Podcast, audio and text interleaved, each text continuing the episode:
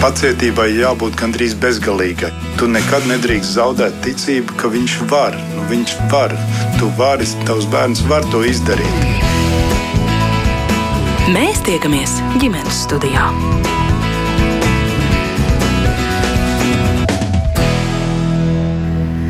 Labdien! Savu skanējumu sāk Latvijas radio viens ģimenes studija. Turpmāko stundu ar jums kopā šeit būs es Agnese Linka un arī viss šī radījuma radošā komanda. 77% Latvijas iedzīvotāji uzskata, ka vecākiem vajadzētu palīdzēt saviem bērniem iegādāties savu pirmo dzīves vietu.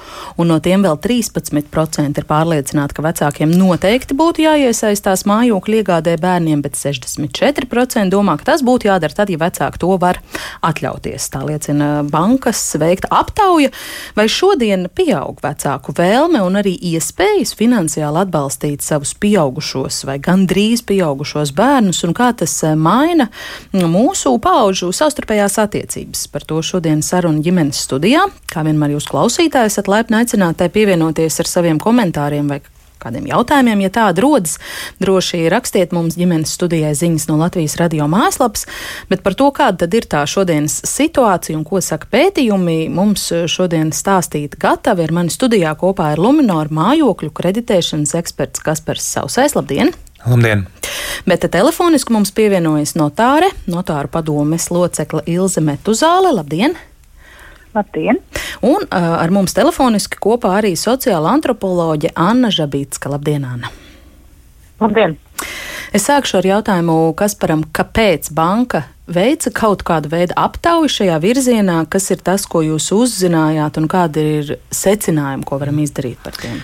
Jā, nu, šeit ir vairāki iemesli. Viens no tiem iemesliem tāds, ka li, viena no lielākajām barjerām pirmās iemaksas ne, neesamība ir hipotekārā kreditēšanā. Mājokļu iegādē, izmantojot hipotekāro kredītu, viena no lielākajām barjerām ir tas, ka šim klientam ir nepietiekama pirmās iemaksas apjoms. Un neskatoties to, ka mums ir diezgan plašs valsts atbalsts šī jautājumā, mēs gribējām papētīt, varbūt, kas vēl ir tie nākamie soļi, kas ir nākamās lietas, kā tad varbūt šo jautājumu tad, uh, risināt veicina sabiedrību kopumā. Un otrs arī ir vienmēr interesanti, un skatīties arī no mūsu pieredzes, redzam, ka šeit uh, ir tādas situācijas, kad uh, ģimene atbalsta mājokļu iegādē, pirmā mājokļu iegādē, un tad mums vienmēr arī ir interesanti papētīt, nu, kā, tad, kā tad uz to kopumā skatās sabiedrība un, un kas ir varbūt tās lietas, kā, kā tad viņi domā par šo te atbalsta sniegšanu ģimenes locekļiem mājokļu iegādēm.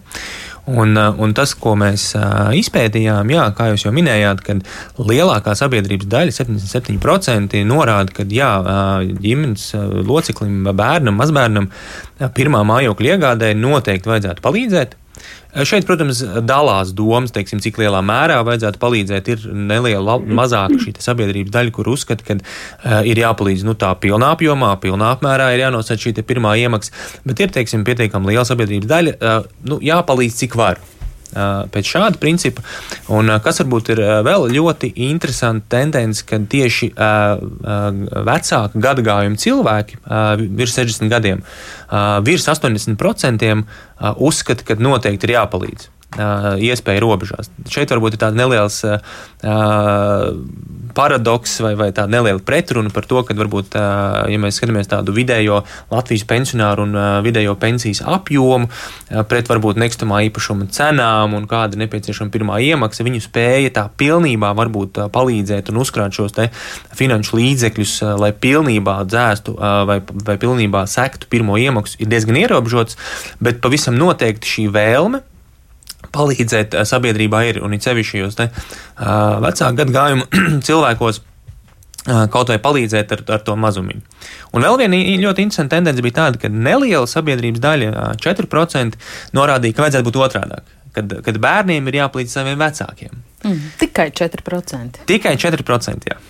Tas ir interesanti, jā, jo šāds uzskats varētu būt šķiet izplatītāks. Vai jums ir iespēja arī, jūs minējāt, nu, ka jums bija interesanti papētīt, kā to risina Latvijas sabiedrība, kā to risina sabiedrības citvieta, mm. kaimiņu valstīs, ārvalstīs, mm. kaut kāds priekšstats ir par to?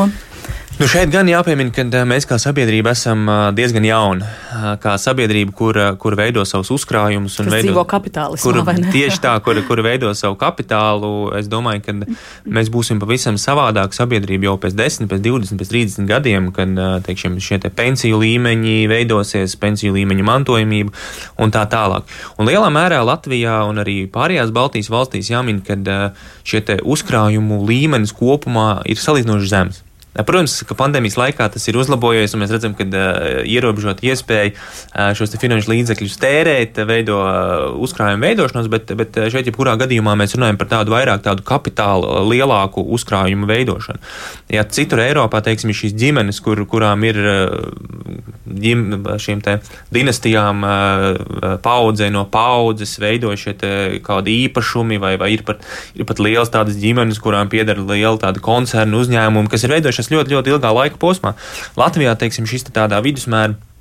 Vidusmērā ir ļoti, ļoti, ļoti neliela, nelielā apjomā, un, un tomēr tas uh, vidējais latviečs, ja mēs varam teikt, viņam ir, ir, ir uh, viņš, viņš savu pirmo mājokli iegādājas uh, visbiežāk ar kredītu, uh, un uh, šis atbalsts vairāk vai mazāk nāk no uzkrājumiem, kas ir no ienākumiem, Eh, retāku reizi kaut ko, varbūt kādu citu īpašumu pārdodot, bet tās iespējas uh, izmantot citu īpašumu, esošu jaunu īpašumu iegādēji, tādā ģimenes lokā ir tāds salīdzinoši, salīdzinoši mazāks. Mm -hmm. Bet tā vajadzība iegādāties jaunu īpašumu ir, varbūt citur, citur varbūt Eiropā šī ģimenes rocība un ģimenes iespējas daudz plašāks un lielāks. Varbūt pat lielai daļai varbūt pat nevajag iegādāties, jo viņiem jau ir šīs nodrošināts šis mājoklis. Mm -hmm. Viens ir iespēja un rocība, pavisam cits stāsts varbūt ir tās vērtības un tradīcija.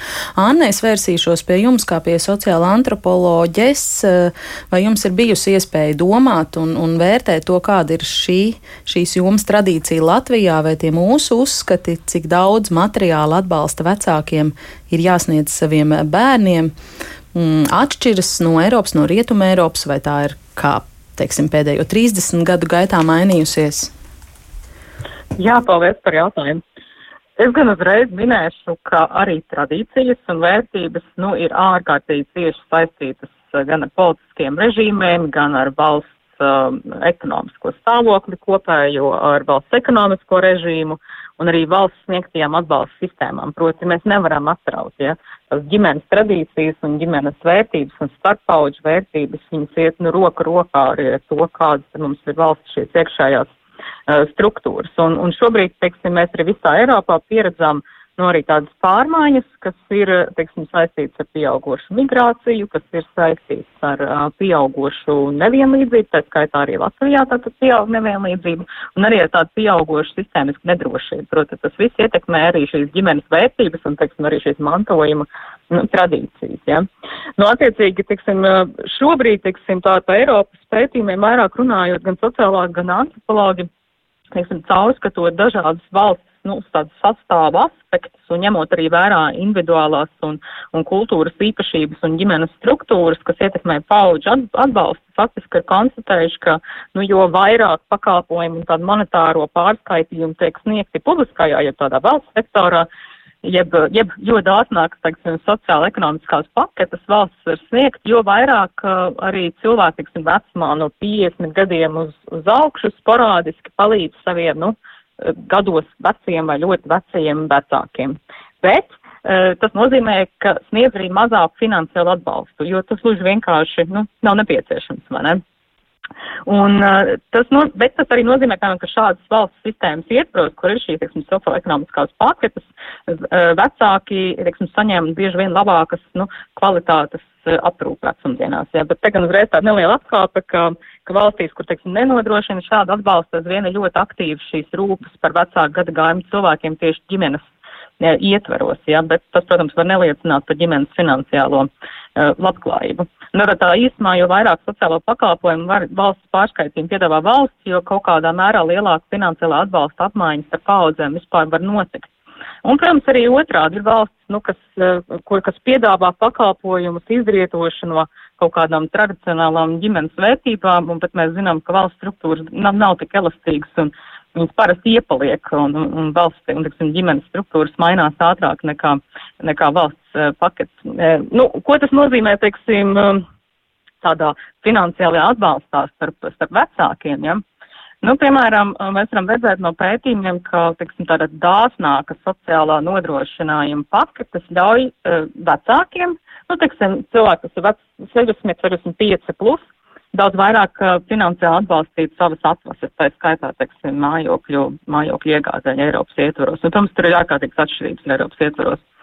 Uh, nu, tādējādi, kā nu, mēs esam konstatējuši tādu privāto naudas līdzekļu izlietojuma atšķirības un modifikāciju atkarībā no valsts, teiksim, sociālās ekonomiskās atbalsta sistēmas, kas, teiksim, saistās gan ar sociālā nodokļa, izglītības maksām, uh, un tā tālāk. Un tad otrs, jā, ko es minēju, ja pieaug šī Latvijā, tiksim, pieaug nevienlīdzība, un daudziem cilvēkiem pieaug sistēmiskā nedrošība, līdz ar to mēs redzēsim, ka arvien pieaugs tā cilvēku daļa, kas nespēs, teiksim, atbalstīt uh, savus, savus bērnus, un, un tas saistībā arī ar migrāciju, ko mēs esam piedzīvojuši.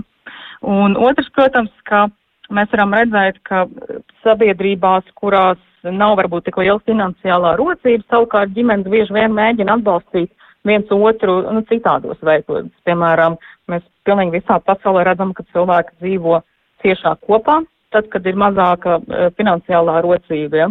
Jo gluži vienkārši tā finansiāli izdzīvot ir vieglāk. Tā kā tas bieži vien pat nav par tradīcijām, bet, teiksim, tāda savā ziņā spiesta uh, lieta. Un otrs, varbūt tāds būtisks aspekts ir arī atšķirīgās pauģu gaidas nu, no dzīves un arī vienam no otra. Ja? Piemēram, no rietumu kultūrā, rietumu Eiropā šobrīd redzama tendence, ka pieaug nošķirtības starp vecākiem un, un pieaugušajiem bērniem. Ja, piemēram, atsevišķās valstīs tas saistāms ar tādām konkrētām vērtībām, proti, ka bērniem jāiet savā dzīvē, nu, vai arī ar vērtību maiņām. Piemēram, pētījumi no ASV liecina, ka daļa pieaugušo bērnu nu, faktiski pārtrauc vai radikāli samazina attiecību intensitāti ar vecākiem, jo nu, viņi tur ir veikuši reflekt, reflektējuši par bērnības pieredzēm, kas, teiksim, viņiem nav pa prātam. Un, un tur veidojas arī šī nošķirtība un arī, teiksim, citas vērtības, vai visi grib iegādāties dzīvokļus, vai visi ir spējīgi iegādāties dzīvokļus, vai cilvēki varbūt labāk grib īrēt eh, jaunākās paudzes, nevis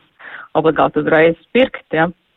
Tā kā es gribētu teikt, uzsvērt, ka tās vērtības ir ārkārtīgi cieši saistītas, ko arī saucā kungs minēja, protams, ar, ar dažādām, ar valsts režīmiem un sociāli šiem ekonomiskajām paktēm, viņas faktiski, nu, nav, nav nošķirams, ja, un, un te parādās mums tas aspekts, ka Latvija, nu, vien ir jauna kaut kādā ziņā šajā kapitālismā, un mēs vēl tikai uh, redzam, nu, tādas tendences veidošanās, un arī izaicinājums, piemēram, saistībā ar novecošanos arī, zin. Nu, tas tāds lielais ieskats.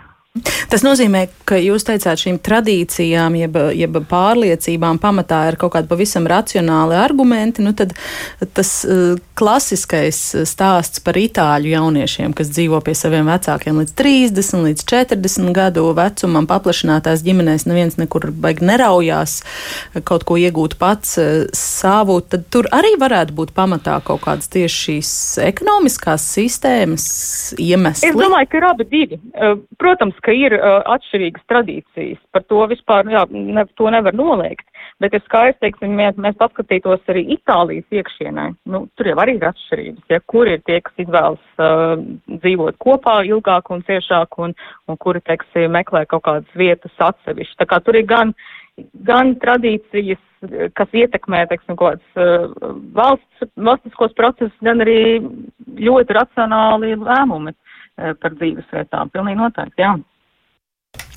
Ilze Metuzāle, notāra un notāru padomas locekli, ir ilgāku laiku klausījusies eh, pacietīgi kolēģi teiktajā. Es gribu jums dot vārdu un vaicāt, kādi ir jūsu vērojumi par šo, eh, par ko mēs šodien eh, runājam. Nu, padomju iekārtā nevienam nekas īsti nepiederēja, kas par sevi iezīmēja, ka šobrīd mēs esam tā paudze, kur veidojās kaut kāds materiālo īpašumu fonds, un, un, un laikam mēs būsim tie pirmie, kas tā reāli varēs saviem, saviem bērniem palīdzēt. Kāda ir jūsu vērojuma šobrīd par to, kā tās attiecības veidojās jūsu kabinetā, Jā, ģimenēm un paudzēm?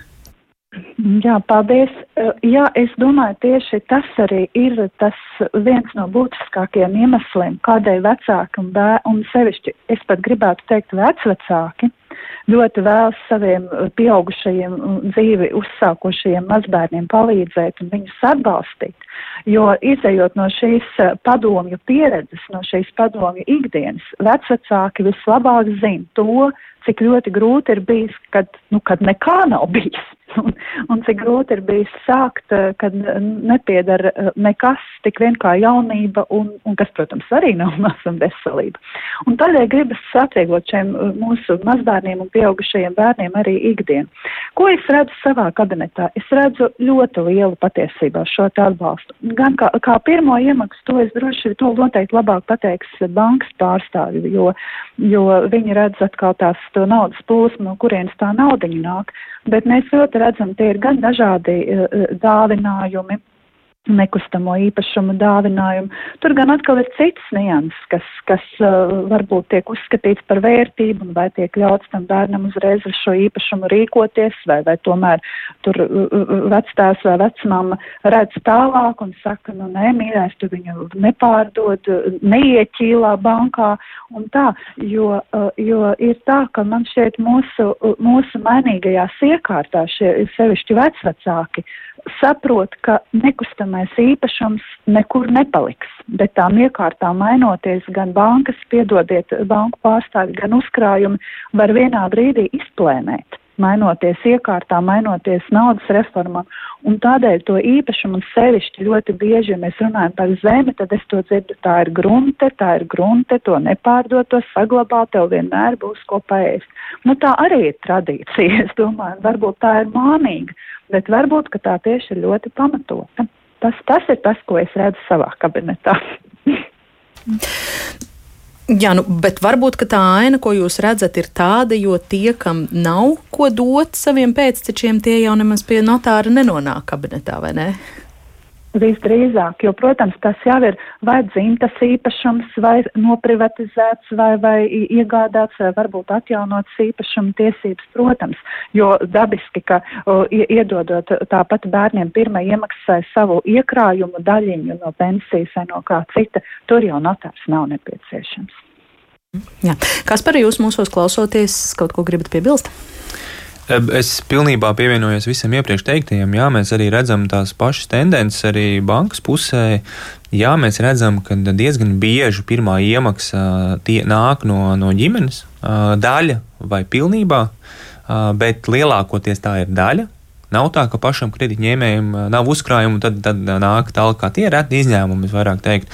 Bet lielākoties tā ir kaut kāda daļa, vai nu tas ir daļā, kas saistīts ar pirmo iemaksu tieši, vai arī ar kaut kādu saistīto izdevumu sekšanu visapkārt procesam, arī pārvākšanos vai kaut kādiem remontiem.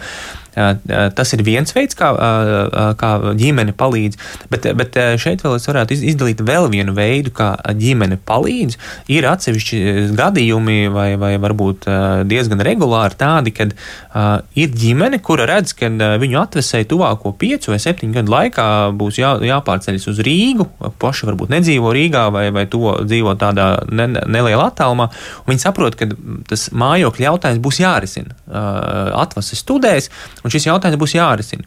Un tām ģimenēm, kurām ir rocība, viņi uh, pērk otru īpašumu. Viņi redz, ka, teiksim, sekojot līdz kaut kādām tendencēm, situācijām, viņi redz, jā, šeit, teiksim, Šāds dzīvoklis ir jā, kā pirmais īpašums vai īpašums, kur dzīvēt, dzīvot studiju gados, būs ļoti piemērots. Ja ir atbilstoša cena, šīm ģimenei ir iespējas, viņi nopērk. Sākotnējos pirmos gadus viņi varbūt viņi izīrē, Bet sedz ar to kredītmaksājumu? Jā, sedz ar to kredītmaksājumu pilnā apmērā vai daļēji. Un, attiecīgi, tad, kad šis, šī atvesa ir izaugusi, tad ir kur eh, dzīvot jau, jau studiju laikos vai studiju laikā vienam, vairākiem, visiem kopā un, un tad uh, atbilstoši situācijai. Un ir vēl viens veids, kā šīs ģimenes jau su, domā divus, trīs soļus uz priekšu.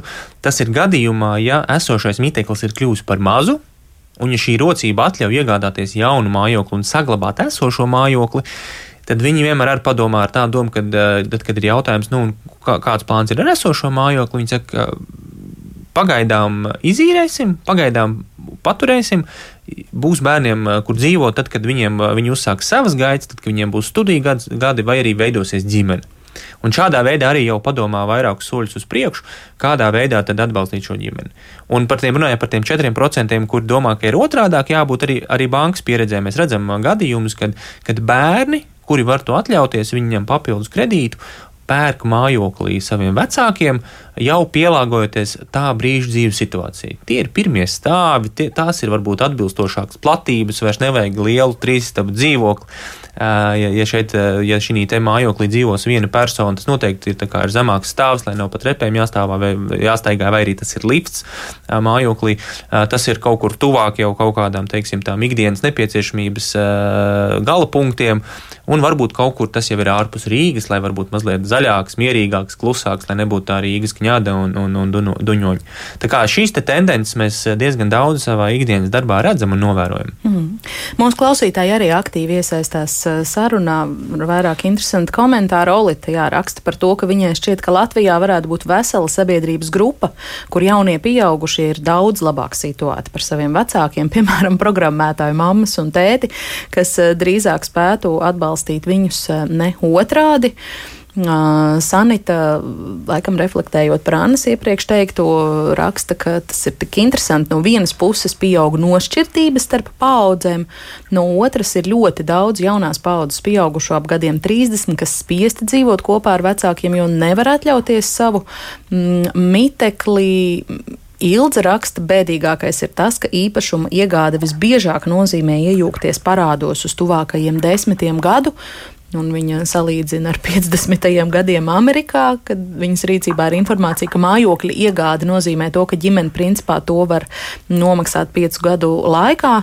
Savukārt Kārlis raksta, ka laukos cilvēki regulāri pārdod un izcērt savus mežus, lai jaunie tiktu pie tiem īpašumiem. Vai ir kādas replikas uz klausītāju teikto? Jā, es domāju, ka virkni uh, repliks man ir uh, jā, par uh, citiem īpašumiem, vai nu tā ir lauksaimniecības zeme, vai meža platības, vai nu sev piedarošais, vai, vai ģimenei piedarošais. Tas arī ir viens no veidiem, kas tiek darīts, lai, lai kas kā atspērienu punkts šim tēmam nākamajam nekustamajam īpašumam. Par to iejaukšanos kredītu jūgā, jā, tā ir. Tas ir jāņem vērā, kad klientam būs noteikti cik mēnešu maksājums, kredīta ikmēnešu maksājums, bet šeit arī jāņem vērā, kas ir tas, ko mēs iegūstam. Jā, tie, tie vidēji ir 25 gadi, pietiekami ilgs termiņš, jā, bet arī pašā laikā nekustamā īpašuma vērtība ilgtermiņā vienmēr pieaug vai kā minimums nesamazinās, ja šis te ir pārdomāts lēmums un, un izvēlēts varbūt īpašums, kur tā, tā potenciāls nav samazināties. Un tad pēc, pēc ilgāka laika jau, jau ir izveidojis šis kapitāls, ko vēl var, var nodot nākamajām paudzēm. Un, un tas, ka kredīts tiek paņemts uz 25 gadiem, tas nenozīmē, ka viņā visu laiku ir arī jādzīvo.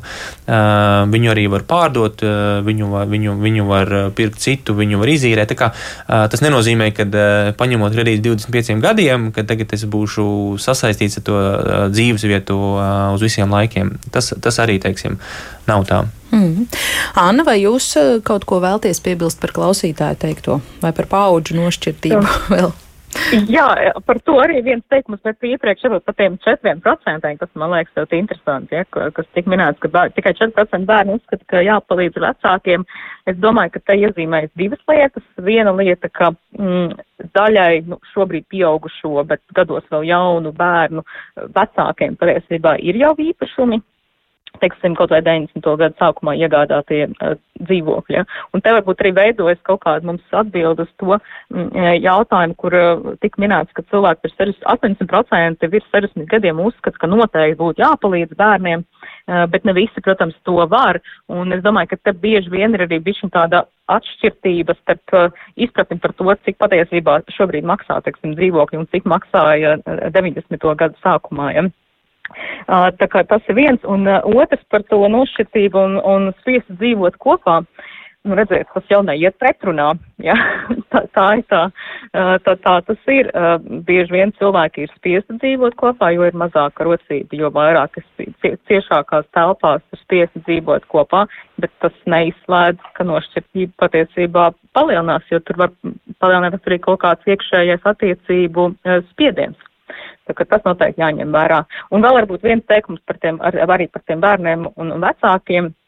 Viens ir, ka, piemēram, tikai 4% uzskata, ka būtu jāpalīdz vecākiem iegādāties uh, dzīvokļi, uh, bet uh, pieaug jau arī šiem, šai paudzei un pieaugušiem bērniem cita veida, teiksim, rūpes par vecākiem. Tas varbūt nav šis finansiālais atbalsts, ja varbūt, ka tiešām dzīvokļi vai īpašumi jau ir, vai, teiksim, stabils īres līgums vecākiem ir, bet pieaug, uh, nu, šīs rūpes ikdienas lietās, jā, un pieaug arī šai paudzei kopumā jaunajiem finansiālais un sociālais sloks, jo, nu, kā mēs zinām, cilvēkiem darbspējīgā vecumā pensijas ir un būs jāfinansē stipri augošam pensionāru skaitam, savukārt paši jau, nu, tā kā sagaida vai nu mazākas pensijas, nu, un katrā ziņā gana liela sistēmisku nedrošību. Ilza, vai jums līdz šim ir vēl kas bilstams? Jā, par, es domāju, ka te jau arī sasaucās tas, ko mēs minējām, tāpat par šīm pirmajām iemaksām un, un pensijām. Tā ir tāda nebeidzams stāsts, un šeit tiešām situācijas ir ļoti dažādas. Un man patika bankas pārstāvi minēties par šo dzīvokļu, iegā, dzīvokļu iegādi jaunajiem studentiem. Tā arī tiešām ir izplatīta prakse. Un atkal tādēļ jau, ka uh, tas nekustamais īpašums, nu tā būs tā vērtība, un tā ir tā noturība. Tas ir tas, ko, ko, ko latviešu cilvēks saprot un, un zina, kā, nu, cauri gadiem. Jā tā ir. Es zinu, Ilse, ka jūs arī uh, teicāt, vienojoties pirms, pirms raidījuma ar manu kolēģi, ka jūs ņemsiet dalību šai sarunā, ka, ka, ka jūs teicāt, kā mēs dzīvojam, tādus lēmumus mēs arī pieņemam. Un minējāt, ka, ka vecāki arī nereti pat atgrūž bērnus no sevis, piemēram, izslēdzot no mm, mantojuma. Arī tādas tendences jūs novērojat. Varbūt mēs varam par to mantošanu vēl nedaudz mm, pārunāt, kādi ir tie gadījumi un, un, un jūsu skats par šo.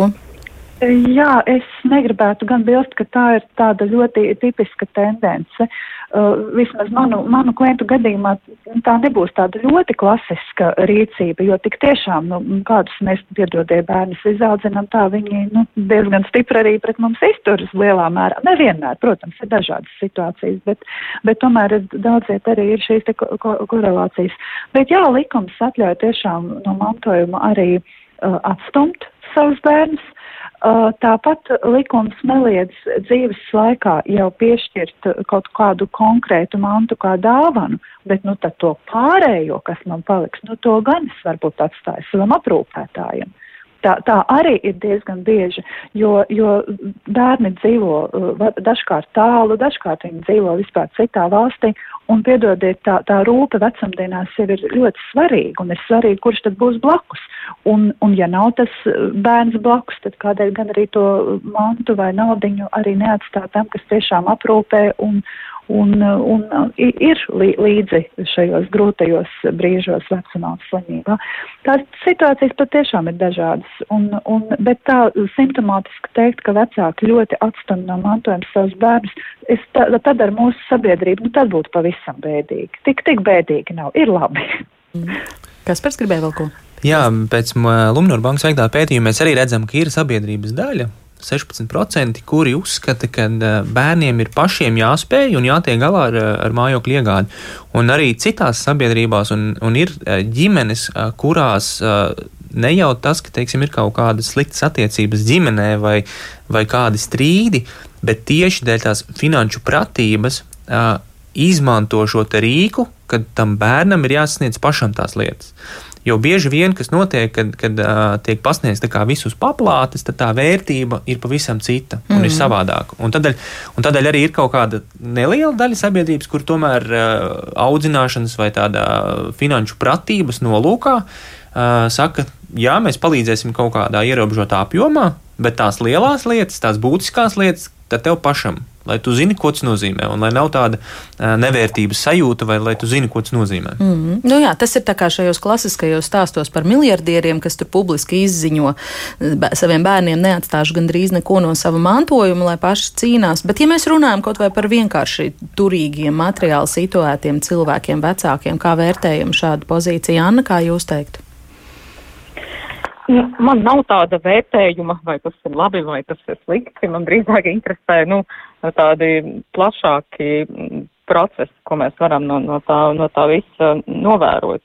Līdz ar to tāpēc es laika atgriežos pie tā, ka, protams, ka tā aizvien ir diezgan šaura uh, Latvijas sabiedrības grupa, un tā grupa kļūst arvien ekskluzīvāka un kaut kādā ziņā elitiskāka, bet bet šaurākie. Ja mums aizvien mums pieaugs, un to mums dati rāda, ka mums pieaugs parasti to cilvēku skaits, kuri dzīvos kaut kāda veida sistēmiskā nedrošībā. Tas nenozīmē, ka viņi nekad neiegādāsies īpašums vai ka viņi uh, pa, savus paudžu un ģimeņas ietvaros nemēģinās viens otru atbalstīt. Tas pilnīgi noteikti būs dažādos veidos, bet uh, mums atšķirsies no šī īpašumu un, un akumulāciju faktiski. Ja tas, ko arī eh, Sausākungs sākumā minēja, ka mums jau vēl nav šī tradīcija, mums nav šīs lielās ģimenes, kurām ir gadu desmitu laikā būvētās, eh, teiksim, šie, šie īpašumi, ja, kas tiek nodoti. Bet uh, gadiem iet uz priekšu, pilnīgi noteikti, nu, šobrīd mums ir šī tendence, ka mums pieaugs tas cilvēku skaits, uh, vai katrā ziņā viņu akumulēto īpašumu uh, apjoms ja, un finansiālā izteiksme. Bet mums ļoti izteikti pieaugs arī šis uh, vidusšķiras un sociāla-ekonomiski mazāk nodrošināto cilvēku skaits, kuri uh, būs tādā nedrošības stāvoklī nepārtrauktā. Mhm. Jā, varbūt, eh, ja aktīvi lietojat eh, Twitter vietni, varbūt atceraties pirms zinām laika. Tur bija tāda tiešām gara, apjomīga un kaismīga diskusija, kurā ļoti daudz eh, Latvijas Twitter lietotāji iesaistījās, ka kāda meitene bija paudus neizprat, nu kā tas var būt, ka kādam studentam, jaunam cilvēkam nav kur dzīvot, jo mm, vai tad vecāki nav pratušies viņam to pirmo dzīves vietu sagādāt. Tas taču ir pilnīgi pašsaprotam, un tad tur lasot tos sekojošos komentārus, jā, radās iespējas, ka daļa jaunu cilvēku ir tā tāda, ka viņi pat nenojauš, ko nozīmē skaitīt tos uh, centus. Un šis pirmais mājoklis, kā, kā pašsaprotam lieta no vecākiem, viņiem tiešām ir a priori.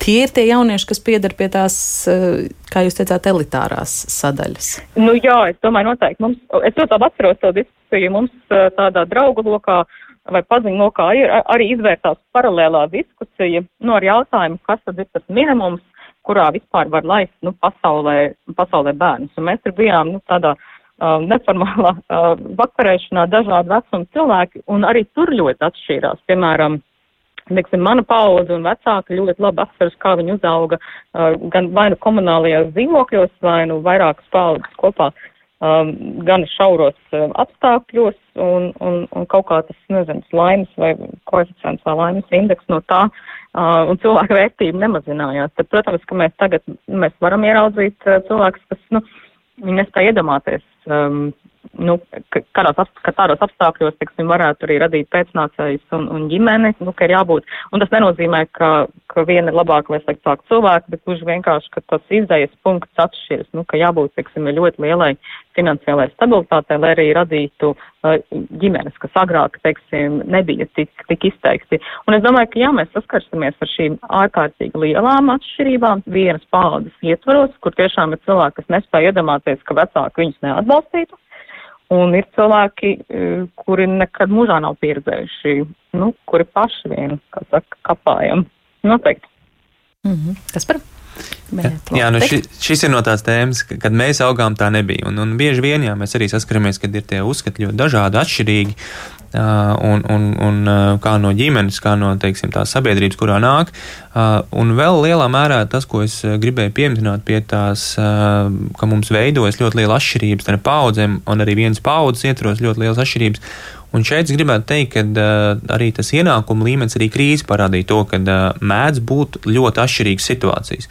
Ir liela sabiedrības daļa, jā, ir Covid krīze un tā tālāk, Bet, bet eh, tas, ko mēs redzam statistikā, liela sabiedrības daļa strādā no mājām, viņiem ienākuma līmenis ir cēlies, jo vidējais algu līmenis Latvijā kāpj.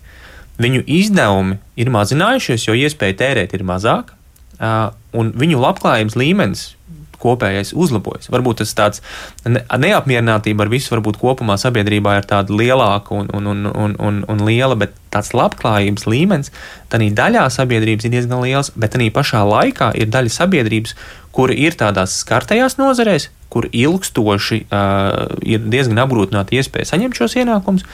Un šeit mēs arī varam jau runāt arī par, par kaut kādu izglītības prizmu, kādu izglītību, kāda pieredze un kāda kvalifikācija ir sabiedrībā esošajiem, un tad tā noslāņošanās varētu rasties arī dēļ šī iemesla. Mm -hmm. Pirms mēs pārējām izglītības prizmā, es pajautāšu vēl Ilzi, vai jums ir kolēģos klausoties, kas piebilstams vēl radies? Jā, nu šis ir, ir nebeidzamais stāsts, un sabiedrība ir raiba, un viņa ir uh, uh vairāk turīga, mazāk turīga. Viena bērna audzina tik tiešām, kā tiek minēts, uh, vairāk, uh, nu tā, negribētu teikt sportiskākā garā, bet uh, tīri liekot viņiem pašiem izcīnīt sevi, uh, citi atbalsta. Man liekas, ka Te, te arī nebūs tāda viena, viena pareiza atbilde, kā ir pareizāk. Visādi ir pareizi. Galvenais, lai tas ir labi, uh, labi pašiem, pašiem bērniem un kopīgajai ģimenei saticībā un, un nākotnes labklājībā. Jā.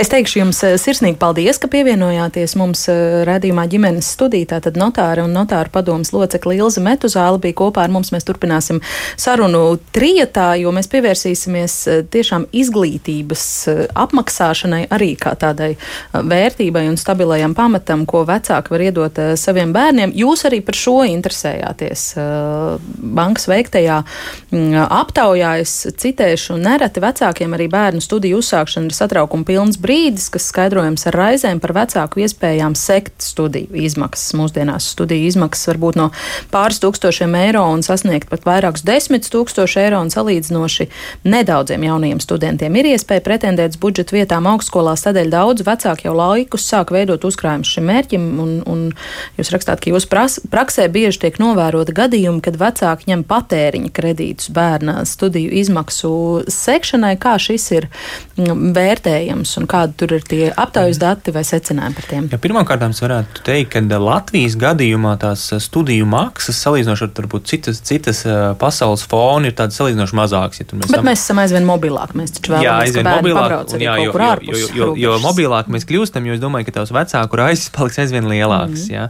Jo šeit ir jautājums, ir, vai šis jaunietis iestās studēt jo ir nu, dažādas iespējas. Un, un, ja kādreiz bija uzskats, nu, ka pēc vidusskolas ir jābūt, ir jābūt vidusskolai, ir jābūt augstskolai, un tad ir jābūt vēl, vēl tādam grādam, šādam grādam, es domāju, ka sabiedrībā tā sajūta par to sāk mazināties un, un cilvēki paliek aizvien uh, brīvāki savās domās un savos uzskatos, kā, kā, kādam tam ceļam ir jābūt.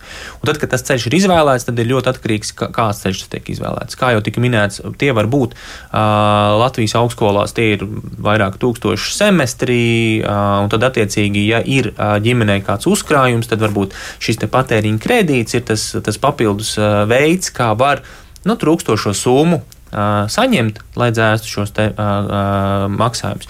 Protams, ir arī citi veidi, kā šos te. Uh, Uh, studijas var, var, var samaksāt, teiksim, ir dažādi kredītu veidi. Populārākais ir studiju kredīts, viens no populārākajiem, bet ir arī citi risinājumi, kur ir uh, tādās atsevišķos gadījumos, teiksim, vai nu tās ir ārzem, studijas ārzemēs, kur jau maksā tie kurs 100 tūkstoši un, un tā tālāk, uh, vai arī ir, teiksim, kaut kādi citi finanšu risinājumi, bet tad ir vēl viens, vēl viens veids, kā sagatavoties varbūt šim te kā sakrāt šim solim, studijām, un tad bieži vien arī ir ģimenēs vai nu tiek veidoti šie pilngadības krājkonti mm -hmm. dažādiem mērķiem, vai arī nu, saka, ka nu, tā, šis būs studiju fonds, šur tur dzirdēts, nu tad šis bērniem būs studiju nu, fonds. Bet tas ir tā tālredzīgi un prātīgi. Tos, tos dažādos veidus mēs droši vien zinām, bet par to patēriņu kredītu bērnu studiju izmaksai mm -hmm. tas ir tā racionāli, normāli, ok, tā var darīt. Ja tas ir ne, tāds papildus summa, kas ir, kas ir nepieciešama, ja tas nav pilnībā nosegt tur semestrī nepieciešamos 4000, tad droši vien tas nav īpaši racionāli, jo tā kopējā summa savilksies diezgan liela un patēriņa kredīta kopējās izmaksas teiksim, ir, ir salīdzinoši lielākas. Mm. Bet, ja tas ir tāds uh, vienreizējs gadījums, uh, man uh, bija viss sakrāts un pietrūka teiksim, kaut kāda neliela summa, vidējo summu mēs teiksim, patēriņa kredītiem skatāmies tie 4000 uz trīs gadu periodu. Iespējams, ka nav, tas nav nemaz tik varbūt mm. neracionāli. Īsākā termiņā atdot, mazāk pārmaksāt, varbūt tas ir diezgan, diezgan samērīgi, ja šādu summu pietrūkst. Mm. Ja nepieciešama pilna summa studijām, tad ir attiecīgi studiju kredīts vai kaut kāda cita risinājuma, kas jau savukārt no tādas finansiālā viedokļa daudz izdevīgāk. Mm. Anna, kā jūs teiktu, vai, vai var likt līdzvērtīgu svaru kausos līdzās, teiksim, šādu te vecāku atbalsta veidu bērniem? Viens ir tiešām pirmā dzīves vieta vai pirmā iemaksa tās iegādai, un otrs tad ir šīs studiju vai, vai labas izglītības izmaksas. Mm -hmm. Paldies par jautājumu. Es savu pētījumu ietvaros, cik es runāju ar ļoti, ļoti dažādām, arī finansiālā rocībā dažādām ģimenēm, tas, ko es esmu novērojusi, kas pilnīgi visur gan arī ir vienādi, neatkarīgi no rocības, ir, ka jebkuri bērni grib, lai viņu jebkuri vecāks atvainojot grib, lai viņu bērnu dzīves ir labākas nekā viņiem. Tad viņiem, viņi mēģina ieguldīties tajā nākotnē. Un, kā jau minēju, ne visi spēja ieguldīties finansiāli, tiksim, atbalstot bērnus ar, ar dzīves vietām, bet pilnīgi visi vecāki, ko esmu satikusi, viņi mēģina darīt visu iespējamo, tik cik viņi ir spējīgi, lai viņu bērniem būtu laba vai labāka izglītība bieži vien nekā viņiem. Un, un, protams, ka tā arī tur ir atšķirības, bet ne tā kopumā. Ja?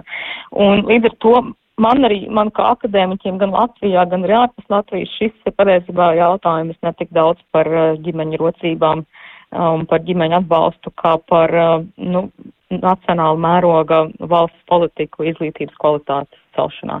Jo mēs jau te jau tik minēts to, ka mēs kļūstam mobilāki, tomēr cenas šeit Latvijā par izglītību aizvien ir daudz, daudz zemākas nekā daudz kur citur Eiropā un tajā pašā laikā arī augstākas, tāpēc, ka ir valstis Eiropā, mums kaimiņos arī tepat tuvu, kurām, kurās augstākā izglītība šobrīd ir pilnīgi bez maksas. Tātad mēs kaut kādā ziņā zaudējam konkurenci arī, arī tur. Ja. Tas, protams, no vienas puses pieaug šī tādā Eiropas mērogā globāli pieaug patiesībā iespējas vienalga no kāda sociāla ekonomiskā stāvokļa tu esi, teiksim, startēt arī uz universitātēm ārzemēs, sevišķi, nu, ja, ja tās ir valstis, kurās ir uh, pa brīva augstākā izglītība.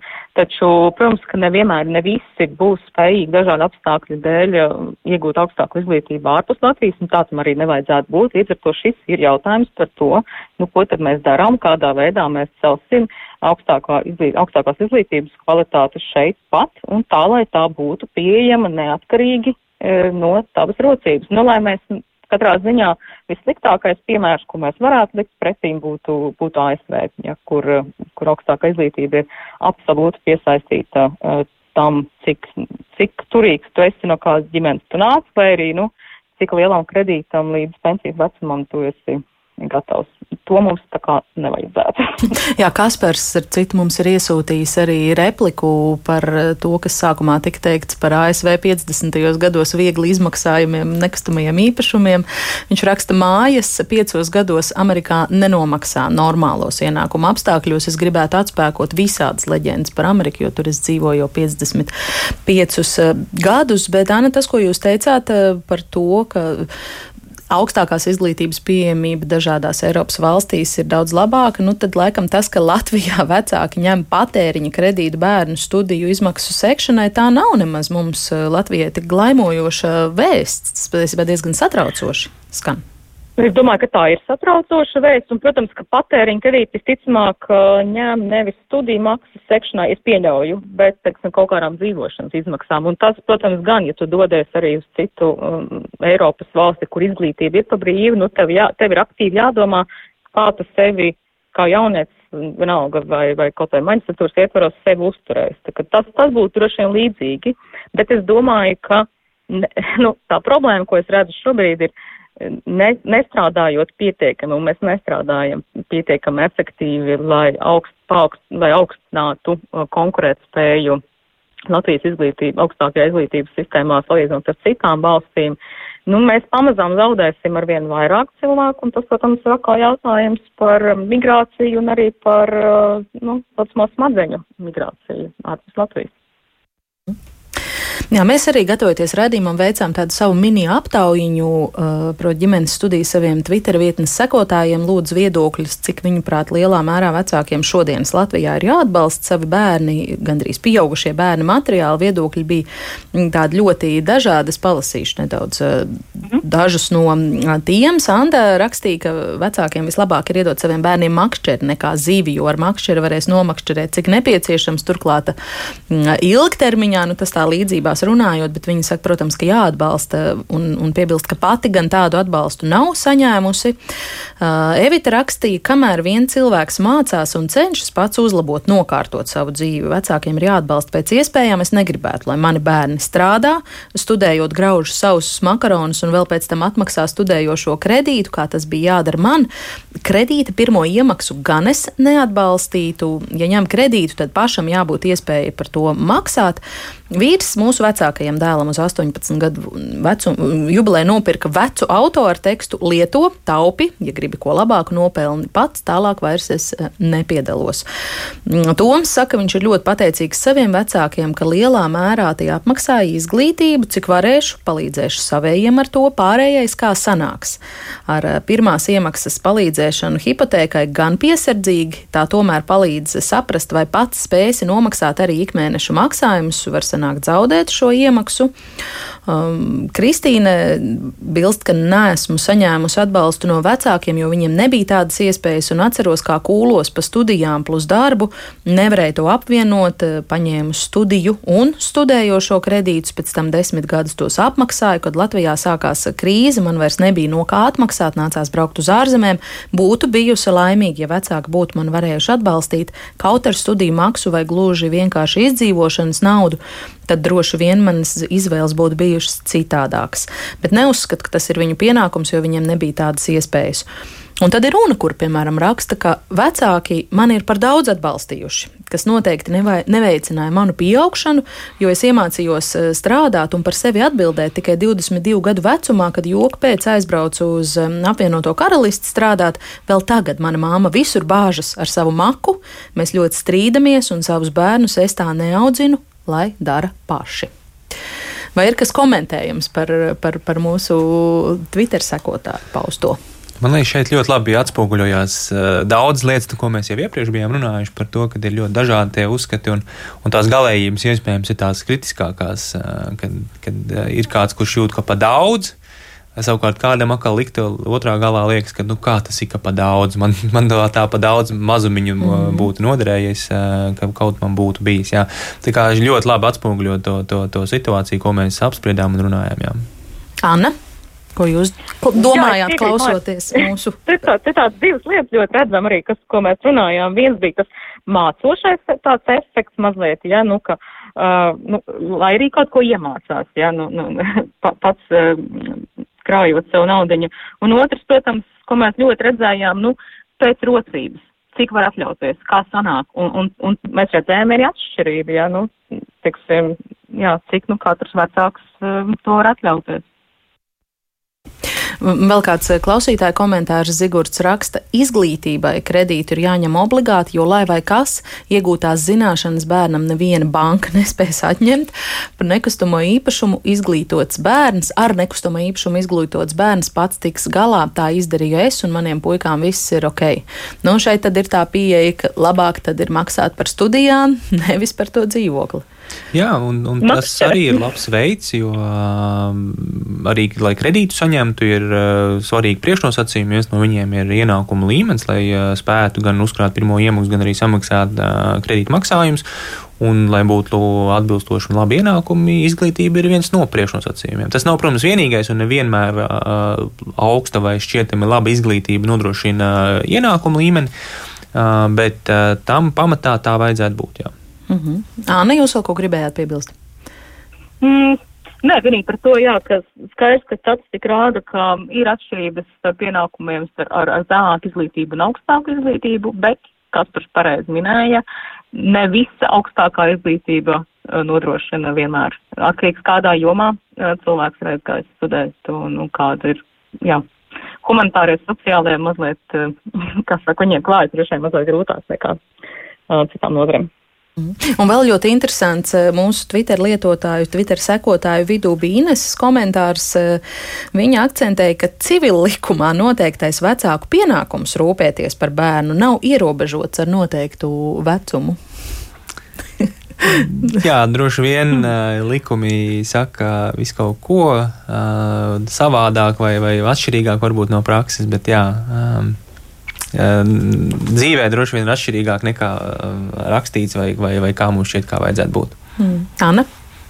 Civil jā, ja var piebilst, jā, par civil likumu. Es tieši kaut nesen pārlasīju vienu, vienu, vienu akadēmisko darbu, kur arī tika diskutēts, lūk, par bēr, pieaugušo bērnu un vecāku attiecībām, nu, kurš tur ir par ko atbildīgs, kuram par ko ir jārūpējas. Un te mēs, protams, varējām redzēt, kā uh, dažādas tradīcijas un uzskati par to, kādām ir jābūt uh, ģimene, ģimenes iekšēnē savstarpējām attiecībām, kā tās patiesībā uh, ir nonākušas, nu, valsts institūcijās un konkrētos lēmumos, piemēram, ir bijuši gadījumi, kur uh, Itālijā, piemēram, uh, lemj, vecāki ir iesūdzējuši tiesā savu dēlu, ka tas ir atteicies par viņiem, uh, viņus apciemot un arī viņus finansiāli vecumdienās atbalstīt. Ja? Tātad te mēs redzam ļoti šo izteikto vēl uh, tradīciju ģimenes struktūru, uh, tiešā, tiešās saites, un valsts lēma par labu vecākiem, lai gan dēls argumentēja, ka viņa attiecības, viņa prāt, nav tādas, lai viņam tas būtu jādara.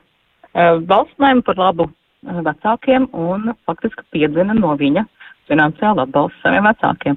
Un savukārt citās valstīs, kad mums būtu pilnīgi cits lēmums. Un, un te mēs redzam, kā tās tradīcijas uh, ietekmē arī valsts struktūras, un, un nevienmēr, protams, arī valsts struktūras tiek līdzi šiem ļoti mainīgajām um, attiecībām, un, un tāpēc arī civil likumi parasti ir tādi mazliet stīvāki nekā varbūt sabiedrība pati ir.